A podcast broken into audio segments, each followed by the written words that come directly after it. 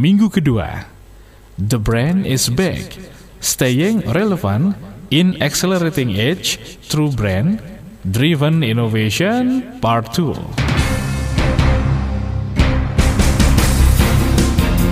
Segera kita ikuti Smart Marketing and Innovation.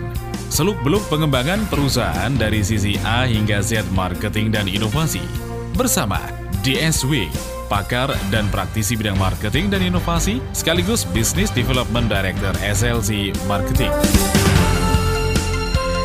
Halo, selamat sore Smart Listeners. Bagaimana kabar Anda di awal pekan ini? Kembali saya Didi Cahya hadir menemani Anda di sore hari ini tentunya di Smart Marketing and Innovation bersama Pak DSW Dr. Sandi Wahyudi. Selamat sore, apa kabar? Keep stupid to innovate, Mbak Didi. Selamat sore Smart Listeners. Selamat sore, senang sekali. Haus dan belajar untuk berinovasi. Benar, benar. Dan hari Senin ini Panas sekali. Di luar panas dan tuh, di panas. luar sana sabar ya smart listeners karena selain volume kendaraannya semakin tinggi di beberapa titik tuh ada rahasia kendaraan juga kan lagi ada operasi patuh. Semalam aku kena tilang, Mbak Didi. Loh, Aduh, waduh. deket sini aja. Waduh. Hati-hati jangan putar balik di depan apa sekolah Petra, Petra, Patung Kuda di Darmo. Mm-mm. Kena ya. Kena tilang semalam. Aduh, Nah, ya makanya itu. Jadi eh, untuk Anda berhati-hati di jalan karena eh, faktor keselamatan diri orang lain juga ada pada Anda. Jadi kita bukan cari keselamatan diri kita sendiri tapi juga untuk orang lain. Kok jadi nasihatin lalu lintas ya? Iya, kita bukan siaran lalu lintas nih. Soalnya saya tadi juga mengalami gitu loh. Ini katanya Indonesia kondisi ekonomi bla bla bla bla bla bla tapi kok ya tetap kok orang-orangnya dinamis kok tetap bergerak gitu ya. Termasuk tamu yang kita Sebentar lagi panen nih retailnya. Kita undang nih Iya, sore hari ini hari ini kita nih. enggak berduaan, tapi bertigaan Mbak Didi. Eh, jangan Ada ngomong tamu. berduaan loh. Eh? Kalau berdua tuh yang ber- yang ketiga setan loh Oh, gitu ya? Enggak juga ya. Biasanya udah bertiga spesial. sama Yoyo Iya, gitu berempat berat. sekarang ya dengan dengan nah ini Narasumber silahkan kita. diperkenalkan Yes. Pak Sandi. Kita hari ini kedatangan tamu spesial Mbak Didi, beliau Pak Arif Darmawan Oke. dari Fun Kids Furniture, ya, founder sekaligus owner dan fam- family business second generation dari perusahaan furniture yang sebelumnya orang tuanya sudah bergerak sekian lama, tapi beliau kembangkan segmen baru, Mm-mm. unit bisnis baru, ya ini khusus menyasar untuk anak-anak. Oke. Nah, kita akan sambut aja Pak Arif Darmawan. Selamat sore. Semangat pagi ya Pak Sandi ya. Semangat Iya, pagi. iya. Wah, ini. Walaupun sore-sore begini harus tetap semangat ya dari pagi ya. Ini bedanya di sini. Biasa kalau ngejebak naras apa pembicara tamu kan sama sore sore. gitu. Oh iya Ini gitu. berarti sudah siap Mbak. Sudah siap, malah semangat pagi ya. Semangat pagi Pak Arif Darmawan. Semangat pagi Pak Semangat pagi. Sandi. Smart listeners juga disapa dong Pak. Iya, untuk Mbak Didi dan smart listener semua semangat pagi semuanya. Semangat pagi semua. Walau di luar cuaca panas tapi hati tetap adem. Oh iya harus gitu ya. Di ruangan ini adem sekali soalnya. Oke Oke. Pak Arif, gimana kabarnya? Bisnisnya Pak lancar semua? Baik. Untuk Ya. saat ini ada perkembangan Luar biasa. walaupun memang beberapa saat yang lalu sempat diterpa dengan beberapa keadaan ekonomi yang nggak Ya. menentu tapi ya tetap berjuang Sudah mulai recover ya Pak ya? tetap semangat yang Tetap paling penting Keep stupid ya Pak ya? tetap Iya, keep stupid keep Keep stupid. stupid, oke. Oke. Nah, Pak Arif ini sudah kenal saya cukup lama, Mbak Didi. Udah dua tahunan ya Pak ya, kita bersama-sama. Terus komunikasi, beliau juga rutin ikut seminar di acara seminar bulanan Connect Leader Community. Beliau sangat dirindukan karena setiap beliau ada di seminar selalu suasana menjadi panas. Didi. panas karena pertanyaannya yang kritis dan kadang saya susah menjawab. selalu buat huru hara ya Pak Sandi ya. Lah. Asik loh kalau Iya. di seminar tuh ada tanda tanda petik provokatornya. Jadi Provokator. suasana seminar jadi hidup gitu ya. Saya bawa provokatornya sore hari ini ke sini supaya suasana studio kita semakin panas, benar, benar. Biar beliau cerita pengalaman di lapangan terkait brand management ini gimana. Nah, Nah, topik kita masih sama bulan ini tentang brand management, Oke. tapi dari sisi rejuvenationnya sekarang. yes. Kalau yang bulan minggu lalu kita undang Pak Gideon Kusuma, beliau adalah owner dari PT Aditon sebagai founder awal ya. Yes. Nah, uh, Pak Arif ini kan sebetulnya second generation. sudah punya brand sebelumnya. Sudah punya brand, tapi beliau kembangkan brand baru Betul. untuk segmen baru. Uh-uh. Nah, kita coba kulik habis Mbak Didi hari ini. Oke. Silakan Mbak Didi mengawali pertanyaan buat Pak Arif. Monggo. Oke, tadi saya sudah diperkenalkan oleh Pak Sandi bahwa Pak Arif Darmawan ini founder and owner of Fun Kids Furniture. Ya, dari namanya saja udah kelihatan lah gitu ya. Tapi saya lebih tertarik ke latar belakangnya dulu. Tadi disampaikan bahwa ini generasi kedua. Generasi pertama juga sudah bergerak di bisnis ini. Ceritakan dulu uh, bisnis yang mungkin awalnya dikembangkan oleh orang tua Pak Arif. Monggo, silakan. Ya, kurang lebihnya Fun Kids ini berdiri karena memang sudah punya suatu modal ilmu ya, di mana sebelumnya fokusnya eh, spesialisasi di tempat tidur kayu. Hmm. Cuman memang kebanyakan untuk sasaran pemakainya lebih ke arah mes, asrama, dan untuk pengadaan. Mm-mm, mm-mm. Jadi untuk retailnya kita sebenarnya sangat minim. Oh, berarti supply ke project ya Pak ya. Jadi lebih institusi ya Pak ya. Betul. Sekali supply langsung iya, iya, puluhan by project. project. Ya, jadi tempo hari pernah sampai kita tahun berapa itu eh, kedapatan order satu kontainer untuk dikirim ke Kendari. Dan yang pakai ternyata anggota polisi ini ternyata. Oh, untuk asrama polisi di sana. Betul. Itu kayunya kudu kuat Pak. Karena mungkin kalau lagi banyak tugas dibuat push up jebol semua Pak. Heeh, heeh. Maka dari itu mungkin kan dari semuanya itu punya ilmu sebelumnya. Tapi apakah cuman hasilnya hanya seperti ini aja? Nah, ini yang menjadi mimpi dari saya. Hmm. Bagaimana kira-kira bisa memberikan suatu value yang lebih di antara masalah sosial yang ada saat ini. Hmm, Oke. Kebanyakan oke. kalau kita lihat masalah sosial saat ini kan rumah semakin kecil, Rumah semakin mahal Pak. rumah semakin mahal. Oleh karenanya dengan budget yang tersedia dapatnya juga terbatas. Tapi tapi bener loh bahasanya Pak Arif. Bukannya rumah semakin mahal tapi rumah semakin kecil. Betul. Loh, sebetulnya kalau mau yang besar ada. Iya, tapi, mahal, mahal. ya kan? Jadi be- betul harga yang pasaran umumnya masyarakat bisa Betul, raih jangkau, semakin betul. kecil. Betul sekali. Iya benar Yes. juga. Dari situ Anda melihat ada Masa- celah di situ. Ya, karena eh, beda. Zaman dulu anak sama sekarang kebutuhannya sangat berbeda. Anak kecil zaman sekarang harus bermain laptop untuk Iya. supaya bisa melanjutkan sekolahnya, bisa dapat materi yang terbaik. Zaman dulu di zamannya saya tidak terlalu membutuhkan seperti itu. Masih nulis Pak. Betul sekali. Catatan kuliah handout diktat masih nulis. Betul. Sekarang kalau saya ngajar, Pak bisa ya filenya dikirim Pak ke ketua kelas nanti saya sebar. Mana dulu waktu zaman-zaman Nah. kita nulis masih bisa ngumpul di meja makan pula. Iya, Iya nggak sih? betul. Kan? Zaman masih OHP ya. Betul. Nah, Saiki si Pak Arif nye- nyempati nggak ya? Oh, beliau masih OHP lah. gitu ya. Iya. Oke, sebentar sebentar Pak Arif, tahan dulu, tahan dulu ya. Saya juga masih punya rasa penasaran yang cukup tinggi, akan saya kulik lagi. Tapi kita jeda dulu untuk sesi Oh, pertama ini. Aduh, kita jeda sekali. dulu. Nanti akan kita lanjutkan setelah jeda berikut.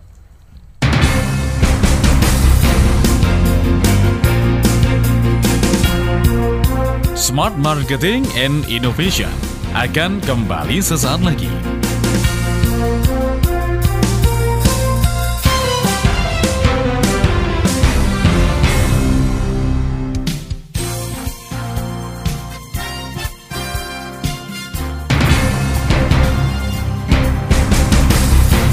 Kembali kita ikuti Smart Marketing and Innovation. Seluk-beluk pengembangan perusahaan dari sisi A hingga Z marketing dan inovasi. Bersama DSW, pakar dan praktisi bidang marketing dan inovasi, sekaligus Business Development Director SLC Marketing. Sore hari ini masih bersama Bapak Arif Darmawan, founder and owner of Fun Kids Furniture dalam Smart Marketing and Innovation tentunya bersama Pak Sandi Wahyudi yang tadi kita sudah membahas ya di depan di sesi pertama bahwa awalnya memang ini bisnis keluarga, supplier untuk tempat tidur, lemari yang eh, apa pemesanan dalam jumlah besar untuk asrama, untuk segala macam gitu ya. Sampai akhirnya Pak Arif merasa nggak bisa dong gini-gini terus gitu ya.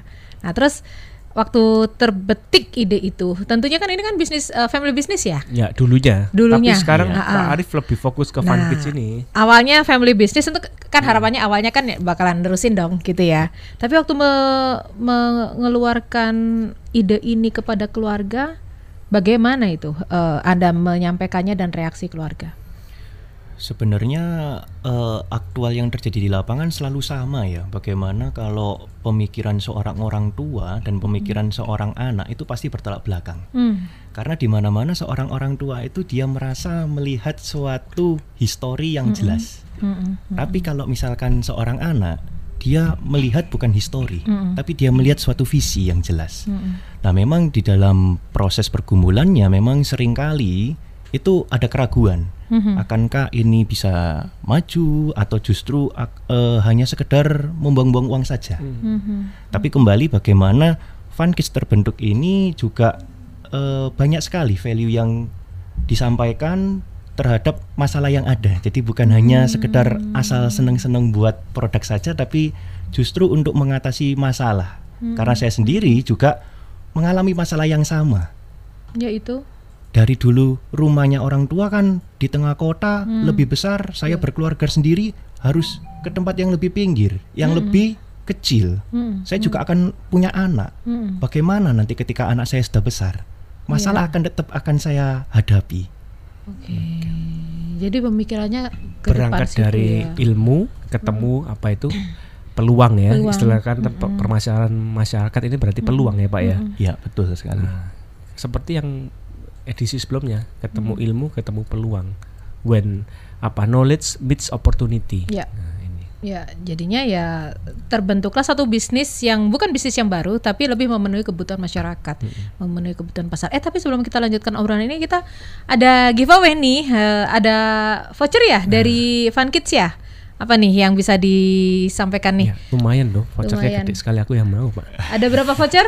Ya, ini kebetulan kan kesempatan spesial nih ya saya diundang di Smart FM. Jadi dari Fun Kids Furniture memberikan tiga voucher Oke. untuk tiga penelpon interaktif Mm-mm. Yang Oke. bernilai 2 juta, satu setengah juta, dan satu juta untuk bisa dibelanjakan unit Fun Kids di pameran. Tuh kan. lagi nanti- pameran berarti ya sekarang ya pak ya Oh iya, sekarang ini kita lagi ada pameran di Transmart Rungkut Pak Sandi. Transmart Carrefour Rungkut Betul. Ya, dari SLC juga ada satu buku Supit Marketing ya. Dari Oke. SLC saya kasih satu buku buat yang interaktif Oke, jadi Ya. untuk Anda smart listeners yang berinteraksi di sore hari ini, Anda bisa mendapatkan voucher yang bisa langsung Anda belanjakan ya eh, untuk produk Fun Kids yang sedang berpameran. Nanti di akhir acara juga akan kami umumkan lagi ada pameran di mana saja dan juga ada buku Stupid Marketing dari SLC ya. Nah, eh, melanjutkan pertanyaan interaktifnya di mana Oh iya. Tujuh Jadi saya kalau kalau nggak ya. dikasih kertasnya lupa yo. Iya. di nomor telepon 031 732 1498 031 732 1498 atau melalui SMS bisa juga WhatsApp di 0811 312 889 atau melalui BBM Anda bisa invite kami di 5158 F514 5158 F514 Oke. Ini eh, satu pertanyaan yang singkat saja karena kita sebentar lagi juga jeda untuk azan maghrib. Ya. jadi eh, Anda akhirnya memulai bisnis ini eh, Fun Kids ini per kapan Pak Arif? Untuk Fun Kids sendiri launching di pasar itu 12 Agustus 2013. 12 Agustus 2013. 13. Jadi hampir 4 tahun. Empat tahun. Market pertama Anda, pembeli-pembeli pertama Anda tuh benar-benar Anda eh, penetrasi pasar atau mereka yang sudah kenal dengan produk sebelumnya? Kalau kenal saya bilang justru belum ya karena eh, ini suatu produk yang di luar dari bayangannya mereka. Mereka seakan-akan melihat ini hanya di sebuah gambar, sebuah angan-angan. Tapi ketika saya mem- memasarkan di pameran pada waktu itu di Lipo Sidoarjo ya, mereka sama sangat emis sekali terhadap visualnya. Oke oke oke oke. Jadi memang eh, mereka sebenarnya membutuhkan, tapi mereka tidak kebayang harus beli di mana, cari di mana. Nah, supaya smart listeners tahu visualnya, ini perlu diinfo nama website atau Instagramnya di atau Instagram Facebook, ada tadi ya. Nah, supaya bisa membayangkan. Ya, jadi mungkin kalau untuk smart listeners ya, eh, untuk bisa melihat produk Fun Kids bisa dikunjungin websitenya kami di www.funkids.co.id Pak Sandi. Funkit F U N K I D S ya Pak ya. Betul sekali. Funkids.co.id. Ya. Oke, atau di Instagram Fun Kids Furnishing ya. Iya, betul sekali Mbak Oke, Didi. baik kita jeda dulu ya karena ini waktu untuk uh, azan maghrib kota Surabaya dan sekitarnya.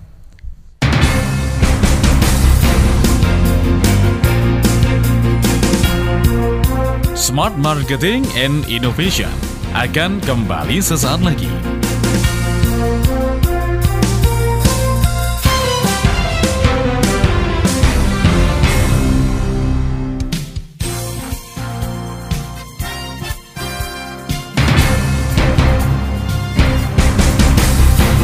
Kembali kita ikuti Smart Marketing and Innovation. seluk-beluk pengembangan perusahaan dari sisi A hingga Z marketing dan inovasi. Bersama DSW, pakar dan praktisi bidang marketing dan inovasi, sekaligus Business Development Director SLC Marketing. Smart Marketing and Innovation bersama DSW dan Bapak Arif Darmawan, founder and owner of Fun Kid Furniture. Dan sore hari ini kita membahas tentang satu bisnis keluarga yang oleh generasi kedua ini ternyata dikembangkan uh, sama-sama furniturnya tapi dengan cara dan produk yang berbeda. Ya, ya kan? Saya ya, bilang cara yang berbeda sekali. karena lebih ke retail kan, gitu. Betul. Nah, tadi yang unik dan segmen yang berbeda. Segmen yang berbeda. Konsep yang berbeda. Benar. Nah, ini ini jangan lupa untuk Anda uh, bisa apa namanya mendapatkan voucher ya. Tersedia voucher, juga buku Stupid Marketing. Anda bisa langsung bergabung SMS atau telepon di 0317321498 dan sudah ada yang bergabung melalui telepon. Halo selamat sore. Selamat sore Smart FM. Iya dengan Bapak dengan Pak Kolis di Sidoarjo. Apa kabar Pak Kolis? Alhamdulillah baik. Mm -mm. Silakan Pak Kolis pertanyaannya sore, ke Pak Arif Pak atau Pak Sandi. Iya.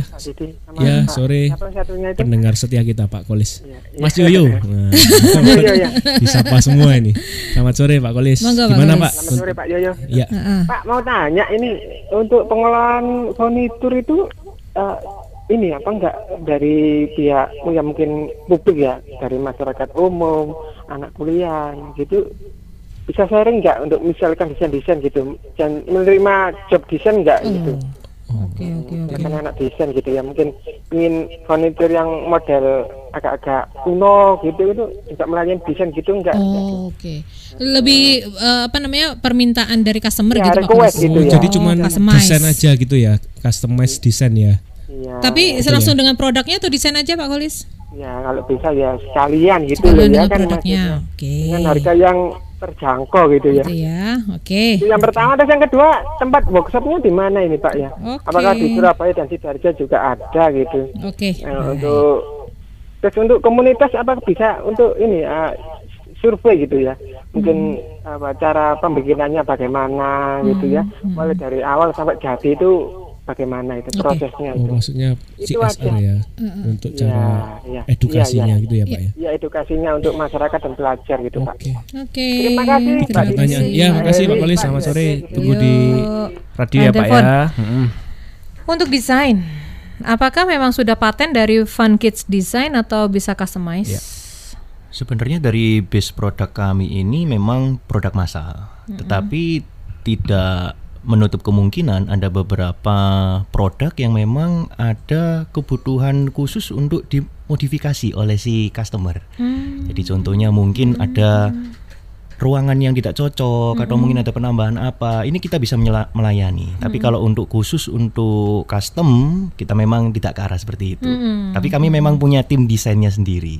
Jadi memang sudah ada desain yang pakem gitu ya, tapi bisa di tempat customer bisa disesuaikan dengan ruangan yang ada. Oh, jadi semi lah mungkin Mbak Didi Sesuai ya. kebutuhan ya. Yeah. Tapi untuk desain karena memang sudah ada ini ya benang merahnya ini bahwa ini uh, desainnya Fun Kids seperti ini. Iya, gitu kurang ya. lebihnya begitu. Kurang lebih sudah gitu. ada katalognya kira-kira ya. Hmm. Tempat workshopnya?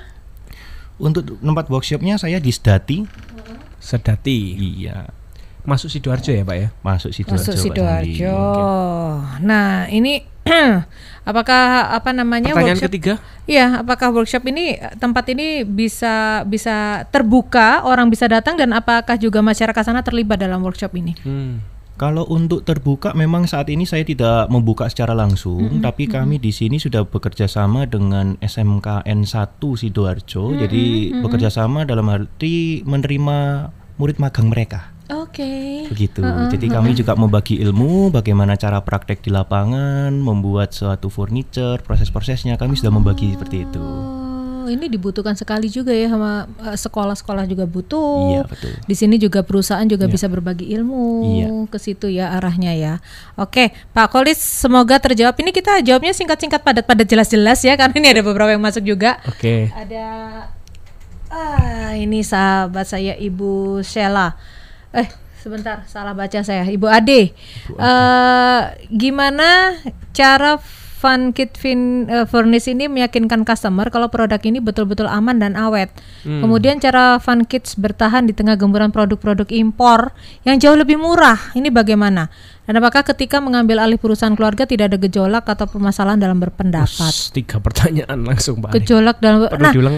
Iya iya, ini ini meyakinkan customer kalau ini am- aman dan awet kan untuk anak-anak ya, catnya, kayunya gitu ya, nggak telusupen kalau orang Jawa bilang tuh loh. Nah ini ini gimana Dan yang meyakinkan penting customer? kuat, nanti sudah naik ke atas ambrol bahasa anu anaknya. Terus jatuh. kono ibu nyusul, Iya. dongengi di atas brul gitu kan ngeri ya. Betul. Gimana Pak Arif? Nah, jadi inilah dari Bu Ade yang mungkin pertanyaan yang paling umum ya yang saya temuin di eh, pameran ya di end user dan justru kualitas dari Fun Kit ini yang perlu saya bicarakan. Fun Kit ini sendiri menggunakan bahan kayu solid mahoni. Oke. Jadi untuk kekuatannya ini sudah jangan diragukan lagi. Mm-mm. Karena dari survei untuk pemakaian unit Fun Kids kami pernah mencoba sampai 300 kilo naik di atas tidak ada masalah. Hmm. Jadi kenapa kok bisa seperti itu? Karena pemilihan bahan kami menggunakan kayu mahoni solid. Dan memang seperti yang Bu Ade bicarakan, produk impor banyak yang lebih murah. Menahan gemburnya bagaimana? Sebenarnya eh, ada harga ada barang. Jadi murah itu belum tentu bahannya sama. Dan ini yang kebanyakan yang tidak pernah dikerjakan oleh merek lain atau mungkin produk import yang lain. Karena mereka tidak menggunakan kayu solid mahoni. Sudah pasti mereka akan lebih murah, lebih terjangkau memang. Tapi bagaimana untuk keawetannya? Kan tidak mungkin kita beli suatu produk satu dua tahun hanya ganti saja. Betul. Makanya konsep dari Fun Kids juga bisa dipakai dari anak sampai dewasa, bukan bisa dipakai untuk anak-anak saja. Dan Nah, dari ini yang Anak ke adiknya, ke adiknya, ke adiknya Betul kayak gitu sekali. kan.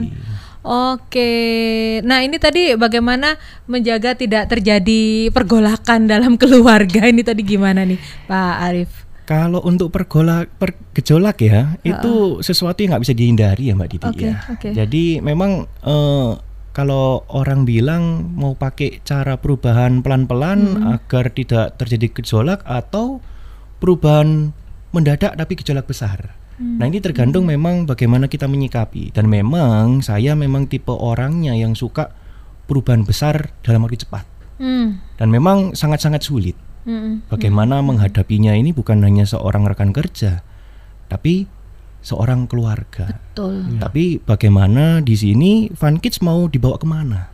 Apakah tetap perusahaan keluarga atau mau menuju ke perusahaan profesional?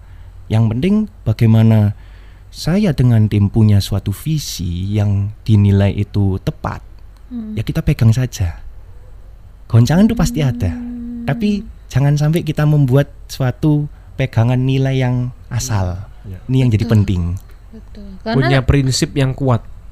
Yang Terkadang- bukan menentang orang tua, tapi Iya. bagaimana prinsip ini memang eh, kalau kita yakini pasti orang tua juga mensupport ya Pak ya. Betul Kadang sekali. terkadang orang tua ini nggak yakin karena melihat anaknya nggak punya prinsip gonta ganti pekerjaan. Tapi kalau Pak Betul. Arif menetap itu yang mungkin dan trustnya dan didapat dari hasil orang ya tua. akhirnya Dan ada hasil. terlihat gitu Iya. loh. Dan kalau bicara hasil, justru untuk saat ini eh, sumbangsi omset terbesar itu kalau saya bilang 90% dari Fun Kids Wah, sudah. luar biasa sudah Wow. membalik keadaan. Memang memang tidak mudah, Iya, iya, tapi iya, butuh iya. perjuangan. sampai akhirnya oke uh, you're on the right track gitu Betul ya sekali. jadi udah udah tracknya udah benar gitu Mbak kan. Pak Arif Wow. ini luar biasa. Paling kritis kalau di seminar memang. Nah, dari ini hasilnya kayak 2013 loh ya Agustus butuh cuma 4 tahun membalik keadaan dari omset Iya. yang berapa menjadi 90 Agustus besok Iya. 4 tahun Betul sekali. Oke, ini ada Pak Andrew Oh, melalui banyak ya. BBM. Selamat sore, Fun Kids. Berdiri mulai kapan ya? Bisa di-share dengan model model atau modal nih Pak? Bisa di-share dengan model berapa? Produk apa saja yang dijual saat ini? Hmm. Model atau modal ya? Saya jadi penasaran dengan pertanyaan, eh, pertanyaan Pak Andrew. Mungkin bisa di BBM lagi Pak Andrew ya. Oke, eh, berdiri mulai kapan tadi? 12 Agustus 2013. Ini saya ke produk apa saja yang dijual saat ini, Pak Arif? Jadi kalau untuk produk memang kami ini berjalan ya dari awal 12 Agustus 2013 kami ini fokus hanya membuat produk untuk satu orang anak aja.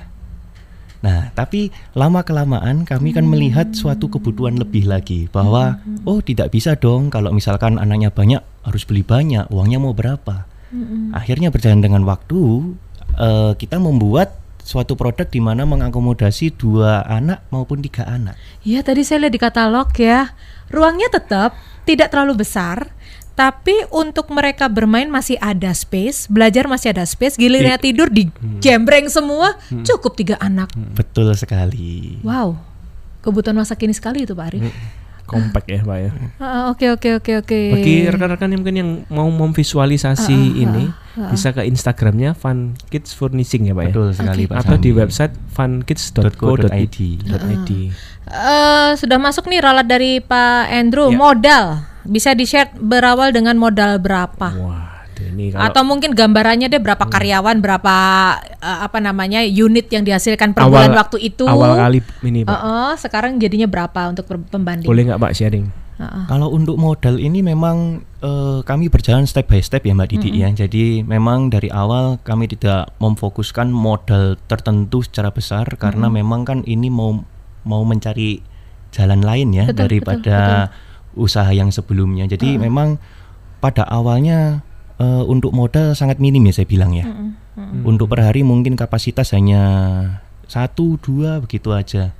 Unit produk. Betul. Jadi untuk sekarang ini ya puji Tuhan juga bisa sampai 100 per bulan. Oh, Wow. tiga empat kali lipat dari Betul awal. sekali. Iya. Luar biasa. Saya Pak Sandi lihat-lihatan kalkulatornya jalan. Iya. Betul. Memang pengorbanan Mbak Didik dulu waktu saya pertama kali masuk ya dimarahin orang itu bukan jadi hal yang jarang. Kenapa dimarahin? Karena kan proses belajar Mbak Didik. Oke oke oke Proses oke, belajar oke, dimarahin orang karena ada keterlambatan itu adalah Oh, suatu suatu oke, kejadian oke, yang oke. pasti dialamin dan itu tidak saya malu untuk saya akui.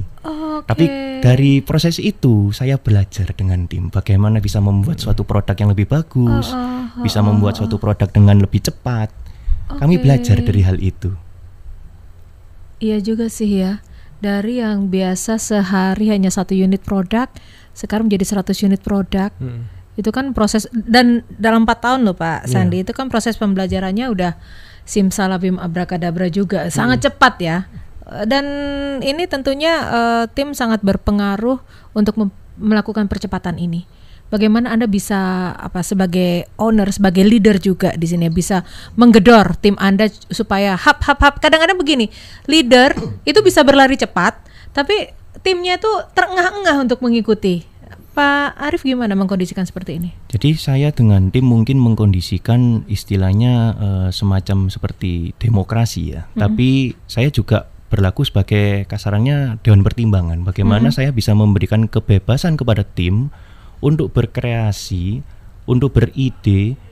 Saya tidak pernah membatasin mereka untuk membuat suatu ide seperti apa. Tapi saya selalu mensupport apa pun itu juga kita coba di lapangan. Hmm, oke. Oke. Oke. Demokrasi tapi tetap terarah ya Pak ya. Betul sekali. Kalau demokrasi kebablasan bahaya ya. Pak. Ini Malah politik- menyulitkan politik gitu lagi ya. panas soalnya nih Pak. Oke, baik. Nanti akan kita lanjutkan lagi setelah jeda. Kita masuk ke sesi ketiga. Masih ada kesempatan untuk Anda yang akan berinteraksi. Siapa tahu Anda yang mendapatkan voucher dari Fun Kids Furniture dan juga satu buku Stupid Marketing. Sambil Anda juga bisa membuka websitenya di www.funkids.co.id atau Instagramnya ya, Fun Kids Furnishing. Sambil Anda melihat-lihat produk apa saja yang di situ. Siapa tahu Anda yang membawa pulang voucher yang bisa Anda belanjakan untuk membeli produk dari Fun Senilai Kids berapa tadi Furniture. Dua setengah, Dua eh, juta, dua juta, satu setengah, dan satu juta. Dan ada buku Stupid Marketing. Stupid marketing. Ya. Oke, baik masih saya tunggu di 0317321498 atau melalui SMS di 08113128889 atau melalui BBM Anda bisa invite kami di 5158F514.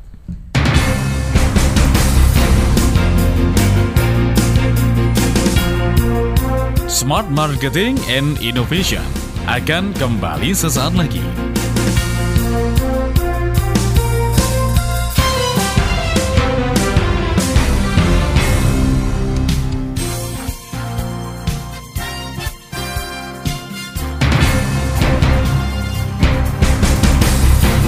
Kembali kita ikuti Smart Marketing and Innovation Seluk-beluk pengembangan perusahaan dari sisi A hingga Z marketing dan inovasi. Bersama DSW, pakar dan praktisi bidang marketing dan inovasi, sekaligus Business Development Director SLC Marketing. Sesi terakhir anda masih bisa berinteraksi melalui telepon di 031 732 1498 atau melalui SMS ataupun juga WhatsApp di 0811 312 889 atau melalui BBM Anda bisa langsung invite kami di 5158 F514. Masih bersama Pak Arif Darmawan, juga tentunya bersama Pak DSW Dr. Sandi Wahyudi dalam Smart Marketing and Innovation.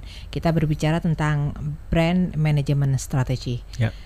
Dalam waktu 4 tahun, ini si apa namanya uh, unit bisnis baru ini akhirnya sumbangsinya justru Lebih besar. 90% dari uh, core yang pertama awalnya gitu ya. Iya, betul. Kita bicara tentang brand, Pak Arif. Hmm.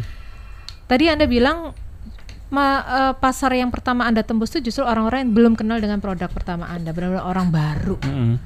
Penetrasi pasar Anda strategi awalnya seperti apa sampai akhirnya eh, brand ini dikenal sebagai brand furniture anak-anak gitu. Jadi saya sendiri dengan tim ini punya impian bagaimana Telepon masuk ini. Ya, bagaimana ba- gimana? bagaimana menyampaikan suatu value Hmm. ini bukan hanya sebagai awang-awang saja, Oke. bukan hanya sebagai suatu gambar, suatu video, tapi saya ingin customer melihat dengan sendirinya value yang akan kami sampaikan ke mereka. Value. Jadi Oke. tidak salah kalau launching pertama produk kami itu di pameran.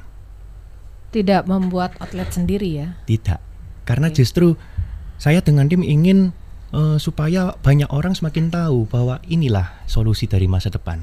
Inilah Fun Kids bukan menjual suatu produk, Hmm. tapi. Fun Kids menjual suatu impian, Mm-mm. menjual masa depan. Oke. Jadi strategi kami memang semakin sering untuk menampilkan visual unitnya di mall atau di pameran supaya banyak orang bisa lihat bagaimana mimpi Fun Kids ini bisa tersampaikan. Jadi me- mendatangi pusat keramaian, Hmm. jemput bola, orang yang awalnya mungkin cuma ngeliat ih lucu ya, gitu ya. Ada datang bertanya-tanya, mereka mendapatkan tambahan ada value di sini. Ya. Tidak sekedar furniture, Betul sekali. tapi value. Apalagi kalau ke mall itu yang pasti papanya ikut, mamanya ikut, anaknya ikut ya pak ya. Betul Langsung sekali. bisa dijajal gitu ya. Heeh. Dan strategi itu dilakukan sampai sekarang ya. Masih tetap seperti sekarang. Sekarang ini ada di ber- beberapa titik nih eh, untuk pameran. Kalau sekarang pameran yang berjalan ada di Transmart Rungkut, Transmart Jogja, dan Transmart Tegal. Dan besok tanggal 17 kami mau pameran lagi di Lipo Sidoarjo. Juga ada outlet di Royal ya pak ya. Betul. Royal di Plaza. Plaza lantai 2. Lantai itu dua. outlet ya. Outlet. Menarik Pak Sandi. Eh, Saya bilang menarik kenapa? Biasanya brand besar nih gitu ya. Itu kan kayaknya gengsinya belum naik nih kalau belum punya outlet atau apa. Sementara yang namanya pameran itu masih ya bukan jadi strategi utama lah. Tapi Pak Arif malah menjadikan Sebaliknya strategi utama. menjadi strategi utama. gimana ini? Eh, Dan dan akhirnya berhasil loh, brandnya akhirnya masuk loh. Padahal pada dasarnya kalau pameran itu kan tidak permanen Mbak Didi. Iya iya iya. Temporary ya, insidental gitu ya. Malah pameran mendapatkan database baru itu akan lebih banyak ketimbang kalau kita stay di satu outlet yang sama. Betul ya Pak Arif ya? Betul sekali. Apalagi di pameran itu fokusnya kita di tempat yang strategis. Biasanya kalau di tempat pameran, entah di atrium, entah di mananya Pak ya, Iya. yang banyak mudah dilihat orang. Ini yang menjadikan teknik brand management yang Pak Arif lakukan sejauh ini ya Pak ya. Betul sekali. Ada strategi lain mungkin eh, katakanlah untuk online itu Tapi kan offline atau Pasti apa gitu? capek loh Mbak Didi kalau pameran-pameran tuh settingnya nanti bongkarnya usung-usungnya tapi hasilnya luar biasa Gitu ya? maksimal. Kerasa ya. Strategi lain untuk mensupport eh, pameran Anda?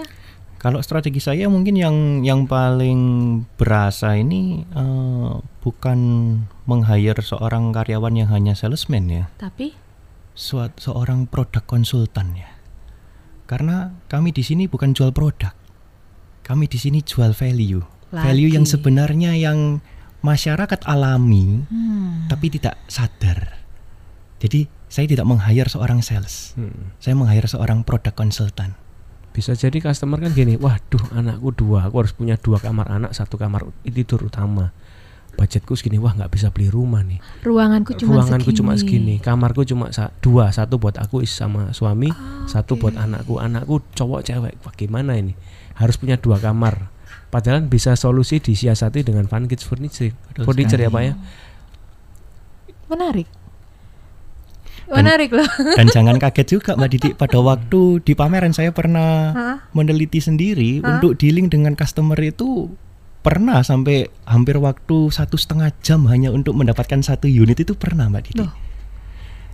Memang terbilang waktunya lama hanya untuk menjual satu unit barang, Heeh. tapi kepuasannya luar biasa. Kenapa? Karena masalahnya orangnya ini teratasi. Mereka justru berterima kasih. Kok baru sekarang adanya? Berarti memang masalahnya sudah ada dari dulu. Mm-mm, mm.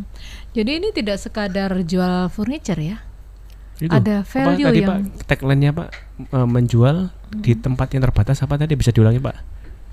Jadi Solusi eh, apa? memaksimalkan kebutuhan anak di dalam ruangan yang terbatas. Nah itu dia Memaksimalkan kebutuhan kebutuhan anak di ruangan yang terbatas. Betul sekali. Ya itu sebetulnya value yang diusung Van Kids ya pak ya. Betul. Oke. Jadi smart listener sekalian, kalau anda ingin memberikan anak anda hadiah, ini kan mau naik kelas ya. Nah, rumah anda ingin diupgrade secara interiornya, anak bisa bermain, main belajar, tidur, tempat untuk baju dalam ruangan yang terbatas masih bisa. Bahkan sampai tiga anak tadi pak, pak bilang ya, Hmm. tiga Iya, kali tiga meter ruangannya bisa dihuni tiga orang anak. Betul. Jadi ada satu produk yang serinya namanya Brave, Mm-mm. itu mengusung di kamar 3 kali 3 bisa tidur dengan tiga orang, Wow. ada tempat penyimpanan baju barangnya, Iya. ada meja belajarnya juga. Iya. Kan nggak masuk akal. Saya tadi ngeliat di katalognya tuh saya Bisa Hah? tidur juga tiga orang dengan nyaman ya pak ya. Betul sekali. dengan nyaman loh. Iya. Bukan umpel-umpelan loh, dengan nyaman. Iya. Dan ini ada uh, solusinya di Fun Kids ini ya. Iya. Jadi tidak semata-mata menjual produk, menjual furniture, tapi juga ada value di dalamnya, solusi. Nah itu kalau brand keluarga. management Mbak Dede semakin besar value yang kita berikan maka brand kita semakin kuat. Kalau fokusnya pada produk dan harga tok maka salesnya pasti meningkat, tapi Mm-mm. brandnya nggak akan kuat. Mm-mm, Jadi mm-mm. branding dengan sales ini kadang kontradiktif. Hmm, Kalau mm, Pak Arif memilih brand manajemennya mm-mm. fokus pada value yang pasti ada harga ada kualitas beliau nggak mau sekali sekali apa menghancurkan apa harga ya demi Hmm. untuk mengejar omset karena mereka karena Pak Arif fokus pada kualitas Mm-mm. kayunya kuat bentuk modelnya bagus bisa multifungsi tiga kali tiga bisa dihuni tiga orang anak itu kan value yang dijual Mm-mm, mm-mm, mm-mm. Betul, Ya. betul.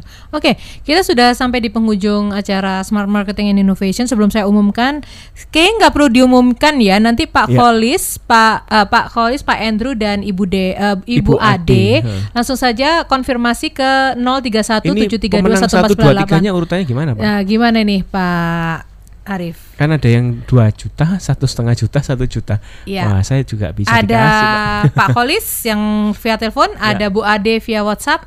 Yang tadi pertanyaannya meyakinkan customer kalau produk ini betul-betul aman dan awet. Terus ada Pak Hmm. Andrew Andrew, via yang BBM. uh, uh, via BBM yang tadi juga tanya Bapak pilih modalnya yang mana, Pak? berapa gitu. Silahkan. Kalau menurut saya nih yang peringkat pertama nih Bu Ade ya nih Bu ya. Ade, oke. Karena ini pertanyaan yang sering kali terjadi Betul. di lapangan dan ini tidak salah kalau seorang orang tua menanyakan pertanyaan ini. Peduli Oke. anak. Betul sekali. Oke, yang, Yang kedua? Kedua mungkin Pak Kolis ya. Pak Kholis, oke. Berarti yang ketiga adalah Pak Pak Andrew. ya. Andrew. Untuk Oke. buku stupidnya saya juga kasih ke Bu Ade aja. Ah, tambah buku stupid marketing ya. Oke. Sebagai penutup, Pak Arif ada yang bisa disampaikan kepada smart listener semua motivasi mereka yang mungkin dalam berbisnis ya. Ini ada yang perlu disampaikan. Silahkan. Mungkin sedikit dari saya merek, produk dan apa pun itu bagi saya tidak terlalu penting ya. Mm-mm. Yang penting bagaimana kita bisa menciptakan sesuatu itu merupakan value bagi kebutuhan orang. Mhm. Karena di mana value itu bisa kita sampaikan ke orang lain, produk itu pasti jalan, apa pun itu namanya. Value. Jadi percuma modelnya macam-macam tapi kalau tidak ada value-nya, Oke. Itu Value aja ya. dari saya. Baik. Berman- Konklusinya bermanfaat Pak Sandi? bagi banyak orang ya. Mm-mm. Maksudnya menjawab kebutuhan permasalahan orang lain itu yang disebut Betul value ya sekali. Pak ya. Betul. Iya. Berarti apa nih yang bisa disimpulkan? Ya, brand management kembali kita harus memilih brand DNA kita apa, value Mhm. yang diusung apa, fokus di sana. Mhm.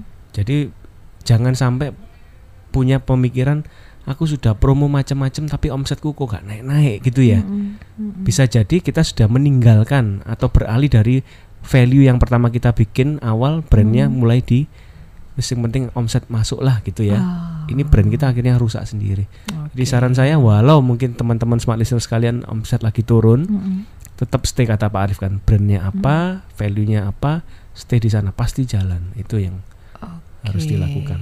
Oke, Ya. semoga apa yang kita bicarakan sore hari ini bisa menginspirasi smart listeners ya. Dan tentunya, wah ini waktunya kita untuk pamit. Ya. Sudah sampai di penghujung acara Smart Marketing Innovation. Waktunya kami undur diri. Saya Didi Cahya. Saya Arif dari Fun Kids Furniture. Dan only marketing can drive innovation. Saya DSW Dr. Sandi Wayudi Hanya hanya, untuk untuk Smart Smart FM. FM. Demikian telah kita ikuti Smart Marketing and Innovation. Seluk-beluk pengembangan perusahaan dari sisi A hingga Z marketing dan inovasi bersama DSW, pakar dan praktisi bidang marketing dan inovasi sekaligus Business Development Director SLC Marketing. Ikuti inspirasinya setiap hari hanya di 889 Smart FM Surabaya.